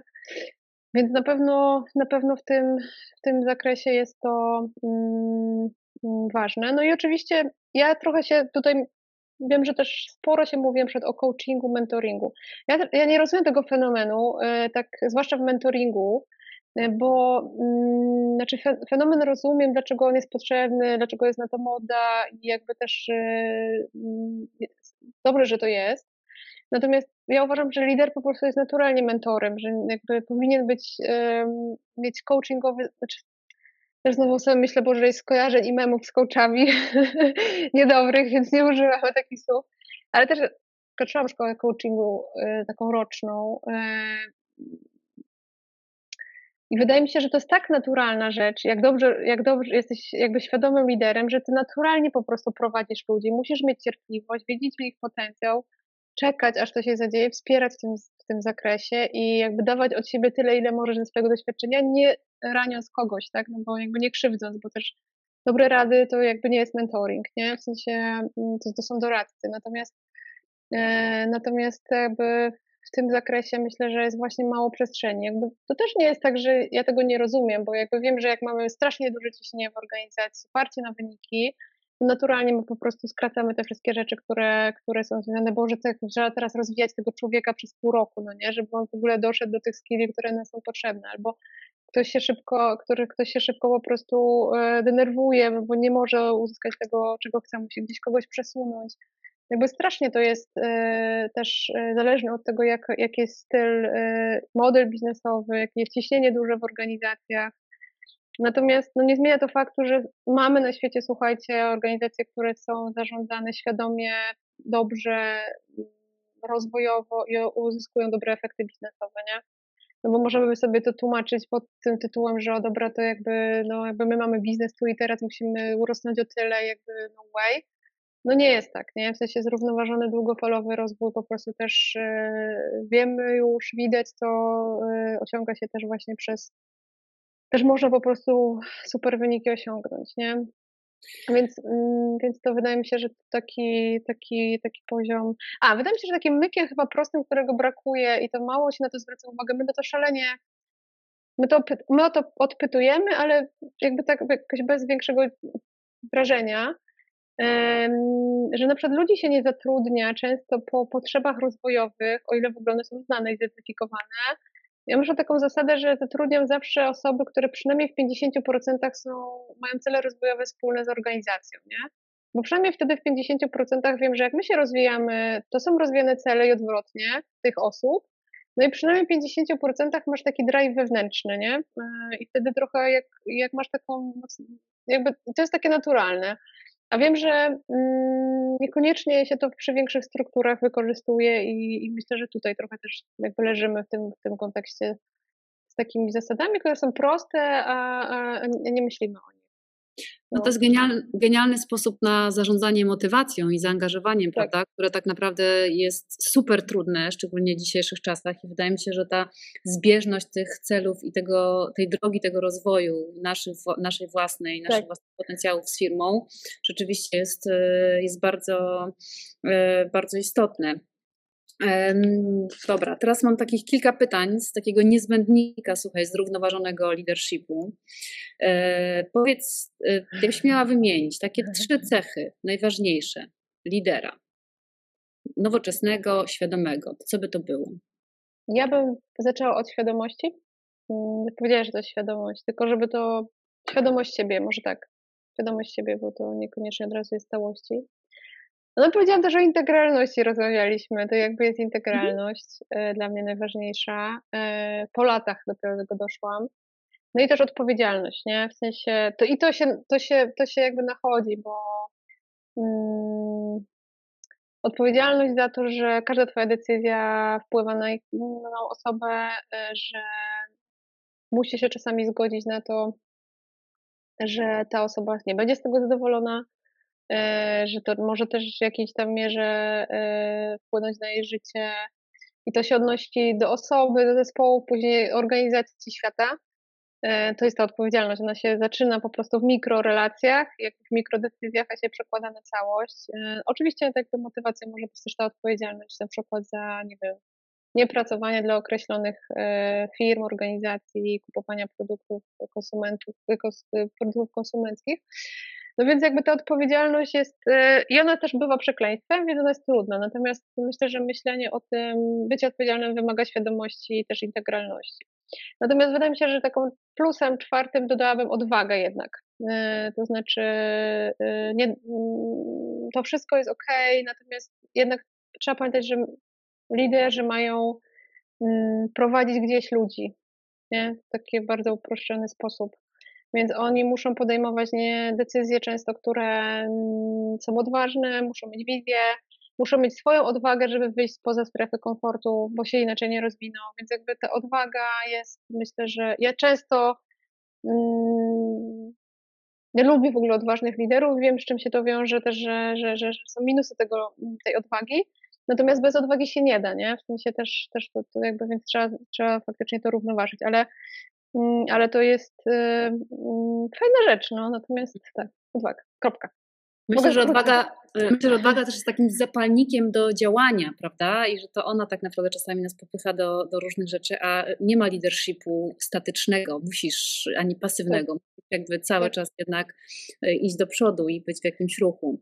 Dobra. Też ja na przykład uważam, że mm, często, ja się nauczyłam czerpać z odwagi, na przykład ja się niektórych rzeczy boję, albo, albo nie wiem, czy boję, czy są w mojej strefie, poza, poza moją strefą komfortu takim naturalnym, i, i też kwestia wieku, natomiast doceniam też moich pracowników, którzy czasami mają po prostu, wiesz, łańską odwagę, taki stary po prostu, w ogóle, gdzie ty, gdzie ty w ogóle czym do ludzi, e, a powiedzmy się, kurde, a może, wiesz, jakby też od ludzi myślę, że warto czerpać, e, czerpać tę odwagę.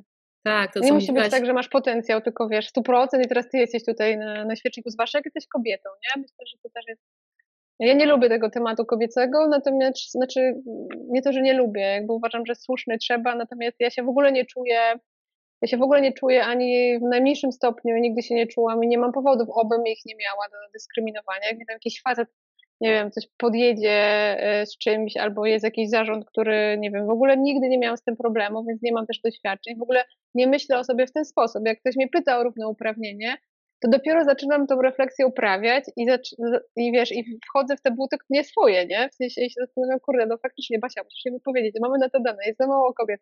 To służy wszystkim jakby organizacjom większej efektywności, jakby ogarnij się dziewczyno, tak?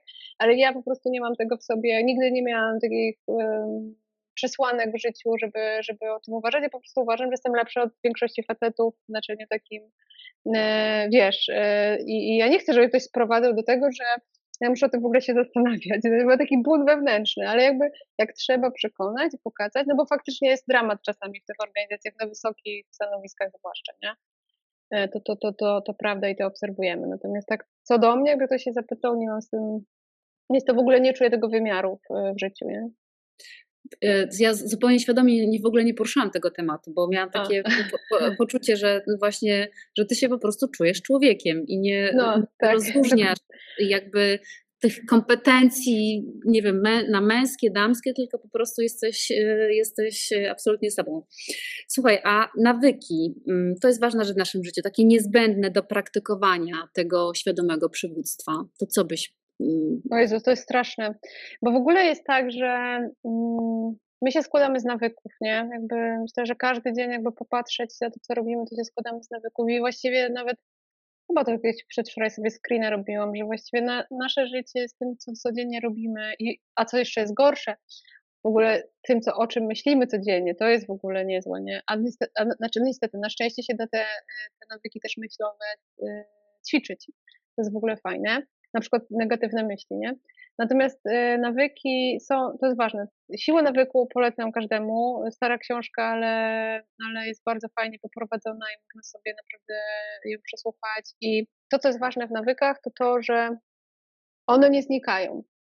Nie? W sensie, myślę, że dobrze podejść do nawyków w ogóle w taki sposób, że one nigdy nie, bo to są po prostu wytarte ścieżki neurologiczne, które jak tylko mogą, to się przeswitchują na, na, na, to, na tę drogę. Oczywiście jakby jest nie jest tak beznadziejnie, po prostu trzeba sobie wyrobić na ten sam bodziec e, ścieżki neurologiczne mocniejsze i bardziej wyryte w mózgu. Nie tak bardzo uproszczenie, pewnie neurobiolodzy by mnie zaraz zabili, no ale powiedzmy, że na poziomie popularno-naukowej psychologii, to powiedzmy tak się to tłumaczy. Więc e, w skrócie, żeby, nie wiem, na duże zmęczenie nie sięgnąć po używkę, tylko na przykład chociażby odpocząć albo iść na spacer. No i jakby myślę, że to jest ważne w tych nawykach i ludzie często ich nie dopilnowują, bo nie znają podstawowych zasad. Nie, pilnu, nie pilnują siebie i wiedzą, ok, to teraz się to zdarzy, nie? Na przykład to ja wiem, że wiem, jak to będzie wyglądać, wiem, że będzie taka sytuacja, wiem, co się wtedy zadzieje i wtedy dobrze zakładać sobie też kotwicę. No ale w takim praktykowaniu świadomym ja myślę, że odreagowywanie emocji i danie sobie przestrzeni, zwłaszcza jak jesteśmy wrażliwi emocjonalni, e, no to daje, dawanie sobie przestrzeni na przemyślenie mm, decyzji albo reakcji, jak możemy, nie? Ja jakby też, też się tego nauczyłam, bo mm, i, i wydaje mi się, że to wyciszenie emocji pomaga w tej integralności, e, żeby nie reagować, nie reagować emocjonalnie bo, to, bo my nie jesteśmy w stanie w ogóle emocji usunąć, nie? W sensie to jest jakby, to też jest ważne założenie, nie jesteśmy w stanie po prostu nie reagować emocjonalnie, więc warto się nauczyć, kiedy już jakby pewne rzeczy podejmujemy i podejmujemy decyzje bez tych emocji.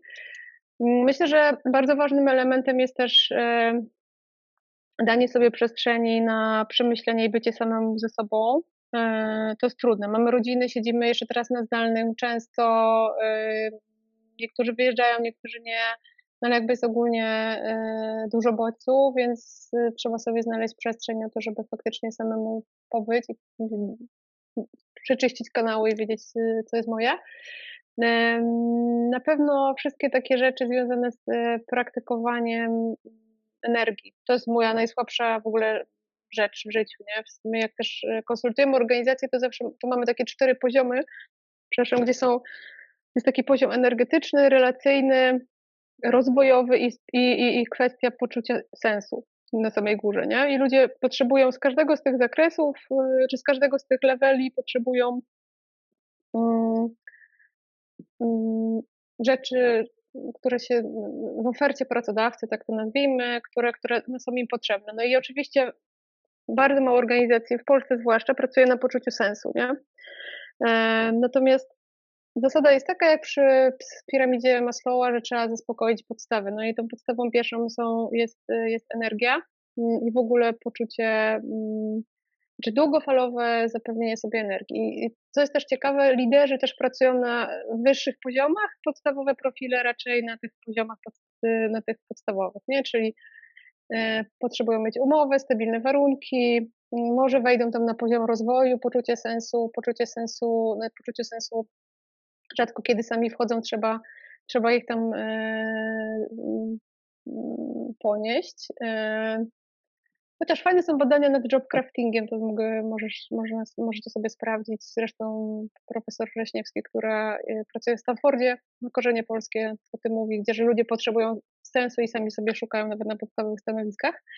Ale a propos yy, tego wymiaru energetycznego, większość liderów pracuje na tych wyższych poziomach. Nie? Oni mają wizję, sens, gdzieś widzą w tym, że idą, coś rozwijają yy, i to jest ok, Natomiast zapominają, żeby do tego, e, żeby to się wydarzyło, to trzeba stale utrzymywać maszynę, e, czyli ten poziom energetyczny, nie? I po prostu my te, ja sama nawet o tym wiem, że wiem, ile trzeba jeść posiłków dziennie, ile razy sport uprawiać dziennie, czy tam w tygodniu, jak ćwiczyć, jak oddychać, jakby różne takie rzeczy wiem bardzo, ale jak wdrożyć to w życie, jest bardzo trudne. A długofalowo po prostu nie pociągniemy żadnej misji, wizji, żadnych ludzi, jeśli po prostu o to nie zadbamy, więc yy, ja na przykład to jest mój wymiar, który cały czas, nad którym cały czas pracuję i wiem, jak on fenomenalnie potrafi działać, więc wydaje mi się, że w kontekście nawyków to jest ważne. Bo nie chcę mówić o takich, wiesz, nawykach słuchania, yy, znaczy to też można, no może faktycznie jakby każdy nawyk się da zmienić, ja z tego założenia wychodzę. Jak za mało słuchasz, no to po prostu szukasz Mm, przeanalizowujesz ten, ten proces, patrzysz na to, e, dobra, to jakby w którym momencie ja tracę uważność i dlaczego, zakładasz sobie kotwicę, żeby tego nie robić, czy takie coś, co ci przypomina i jakby musisz mieć to obcykane, żeby ci to odpalało, no i po prostu ćwiczysz to, no i tyle, nie, więc y, wydaje mi się, że, że jakby ogarnianie relacji na tym, ćwiczenie w ogóle ogarniania relacji na tym polega wśród liderów, natomiast y, no nie wymieniam tego jako taki krytyczny. Mhm. Dla mnie też jest istotne z tego, co mówisz, że, bo wiesz, nawyki się no. kojarzą z rzeczami, y, z czynnościami tak naprawdę najwięcej, czyli z tym, z, tym, z tym taką fizyczną akcją. Natomiast e, podoba mi się to, co mówisz, że nawyki też mamy w myślach i myślę, że nawyki też mamy w sposobie mówienia i że warto też o tym pamiętać, bo one tak naprawdę też kreują naszą rzeczywistość w dużej, w dużej mierze. Więc żeby o nich gdzieś tam nie zapominać o tym, w jaki sposób myślimy i co myślimy i co mówimy, bo to, bo to wydaje mi się, że też jest bardzo ważne. A powiedz, jak sprawdzać i w ogóle czy warto i czy to ma sens sprawdzać jakość tego naszego przywództwa? Wiesz, taki audyt, jak sobie robić. No, trudna rzecz. E, zależy, co chcemy też sprawdzić. Jak chcemy sprawdzić, czy jesteśmy integralni, no to pewnie trzeba zacząć od tego, czy decyzje, które zostały podjęte, albo czy jestem w miejscu, w którym się cieszę i podjąłbym takie same decyzje i czy to jest ok, czy ze sobą. Natomiast no zdecydowanie my nie pracujemy jako liderzy dla siebie, no chyba, że ktoś myśli o sobie, że jest, przywód, że jest liderem siebie i swojego życia, no to okej, okay. tylko wtedy siebie pytamy, też tak, też tak może być, natomiast no, my zakładem rozmawiamy o liderach, którzy zarządzają ludźmi i tutaj mają wyzwanie i mamy wyzwanie wszyscy, tak? I um, umówmy się, no więc jeśli kimś zarządzamy albo czymś, no to sprawdzamy to efektywność tego, u źródła, czyli pytamy naszych, e, nasze osoby, które, które są w naszym zespole, firmie, nie wiem, pracują, współpracują. I tam, e, I tam myślę, że mm, warto szukać tej informacji o tym, czy jak im było. My się w ogóle boimy informacji zwrotnych naturalnie, tak? Bo jeszcze usłyszymy coś, co nam się nie podoba i najczęściej niestety chcemy słuchać tych dobrych informacji, a najbardziej nas rozwijają, czym cała no nie mówi się w psychologii, jednak negatywne rzeczy. One są dużo bardziej, e, dotykają nas, bo są zagrażające. Więc je bardziej zapamiętujemy. Natomiast e, dobrze, że jest ten feedback pozytywny ważny. Natomiast idziemy, pytamy ludzi, z którymi, na których mamy wpływ, tak, jak oni się z tym czują i jakby wydaje, jak się z tym czują, e, mm, jak im z tym jest, jak, e, czy rozumieją, co się dzieje, bo to jest też tak często słyszę od pracowników, że my nie wiemy jakby o co chodzi, nie? Myślę, że nie wiem jak, czy, już nawet nie mówię o sytuacjach jak wiatr zawieje, taki klasyk, ale w sensie, że jakby nie mają skomunikowanej e, decyzji i skąd ona wynika, nie? Nie rozumiemy jak są podejmowane decyzje. No i tutaj nie mam tej integralności, więc warto o to pytać e, i na pewno to tak w krótkofalowym sprawdzaniu, nie bać się po prostu sprawdzać, E, decyzję, jesteśmy liderem, który ma dowieść jakieś rzeczy biznesowo, no to wiadomo, że mamy na to najczęściej wskaźniki, nie? Więc za bardzo pytać, chyba że jesteśmy w procesie, w procesie jakimś takim rozwojowym i, na tym, i, na, i, o, i o tym rozmawiamy. Natomiast y, ja mam zawsze też taki problem, że trzeba uważać też, kiedy się pyta, nie? W sensie mm, lu, ludzie, zwłaszcza młodzi, albo ludzie w rozwoju, albo ludzie na, na takich, czasami mamy takie wrażenie, że my wiemy, że żeby się człowiek rozwinął albo co, czegoś doświadczył, zmienił swoje życie, a kimś, tym kimś zarządzamy, no to on musi w pewnym stopniu, no jakby to nazwać, nie, nie lubić tej sytuacji, w sensie dostać trochę negatywnych e, zdarzeń, może będzie na ścieżce, której nie lubi, musi się do czegoś przekonać. I jako liderzy musimy być świadomi tego, że to występuje i trzeba na przykład przeczekać ten okres, nie? E, dlatego ja zawsze mówię, że warto po latach nawet sprawdzać, e, nawet jak nie pracujemy z ludźmi, to, to, to, to, jest, to się śmieje, że, że warto też sprawdzać ten swój leadership w takim wymiarze, co ludzie mówią o tobie po latach, bo czasami jest to dopiero po latach musisz przejść ileś tam miejsc, żeby powiedzieć, dobra, kurde, jakby w tym miejscu się rozwinąłem, w tym miejscu to był człowiek, który mi dał popalić, ale go szanuję, nie? I jakby i nie mówię, żeby oczywiście dawać ludziom popalić, żebyście tak nie zrozumieli, ale żeby mieć na to też taką, taką wrażliwość, że, że to nie tylko chodzi o to, żeby wszyscy byli happy w danym momencie? Że, że, to, mm, że, że rozwój jest to wysiłek, więc dla tej drugiej strony on też czasami wymaga negatywnych emocji, więc warto od razu nie brać do siebie, jak ktoś jest niezadowolony, bo go właśnie przesunąłeś na inną rolę, bo widzi, że on się tam po prostu dużo szybciej rozwija. On akurat nie jest zadowolony z tego, więc ci da feedback pod tytułem, o kurde, nie jestem happy, nie? Więc, e, więc też, żeby tak nie skracać sobie tej drogi. Mhm. Tak, to jest taka sztuka dawania feedbacku i brania feedbacku, bo mówimy dużo o takim, szczególnie w kontekście leadershipu, w ogóle dawania feedbacku, ale tylko się mówi o tym, że też trzeba go e, umieć przyjąć. A powiedz, bo tak. mówimy dużo o o takich doświadczaniu siebie, rozumieniu siebie, eks, trochę eksperymentowaniu, oglądaniu siebie. I to jest super ważne. E, natomiast powiedz, bo takie już ostatnie pytanie, co z taką edukacją tak naprawdę? Co, jakby powiedziałeś, że poradniki e, czytane nieświadomie czynią tylko szkodę. To znaczy, no tak. co to znaczy? Czytać poradniki świadomie jakie czytać, żeby to miało sens?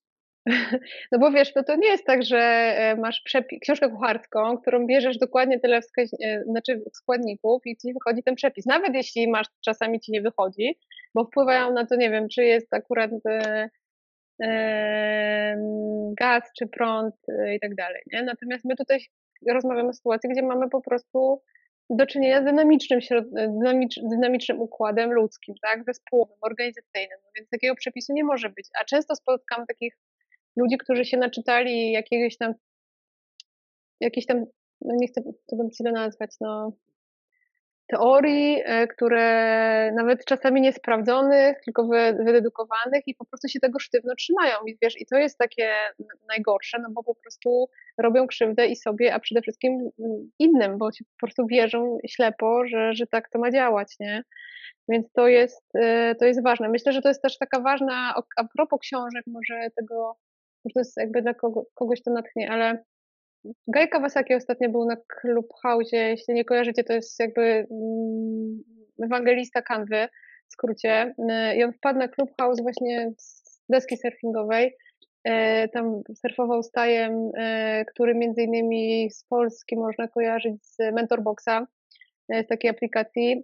I, I on mówi tak, no i powiedział taką prawdę, którą ja też, też, też uważam, że jest prawda, no to znaczy, to wierzę, że ludzie dzisiaj piszą książki w skrócie po to, żeby mieć biznes, to znaczy, żeby być zapraszanym na konferencje, żeby mieć, to jest nośnik trochę sprzedaży, żeby byli zapraszani na warsztaty i tak dalej, stąd się biorą pieniądze, nie? I oni, jest bardzo duża łatwość pisania i publikacji w tym momencie książek, to jest drugi wątek, w związku z tym My dzisiaj mamy ogromną trudność, żeby wyselekcjonować dobre pozycje i mieć do nich zaufanie. Absolutnie uważam, że to jest w ogóle teraz przerażające jakby czyta, czytać i w ogóle kupić. Selekcja jest naprawdę bardzo ważna.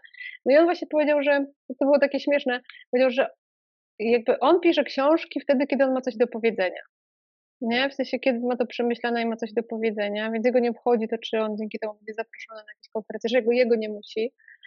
No i na końcu tylko, tylko sklamrował, no ja miałem 15 razy coś do powiedzenia, bo 15 książek napisał faktycznie, nie?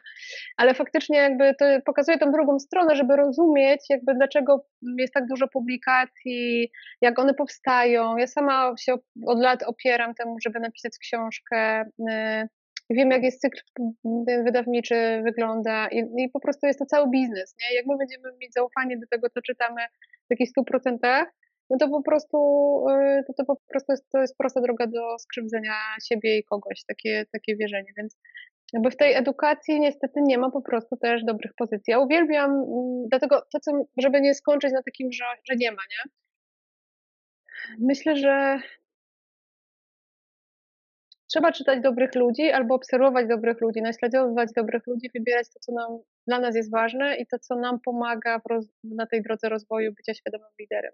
Nie ma niestety lepszego przepisu, przykro mi, e, chciałabym, żeby był, natomiast faktycznie czerpanie inspiracji z, e, z, z, z otoczenia, mm, teraz mamy mnóstwo takich dostępnych, e, kontentowych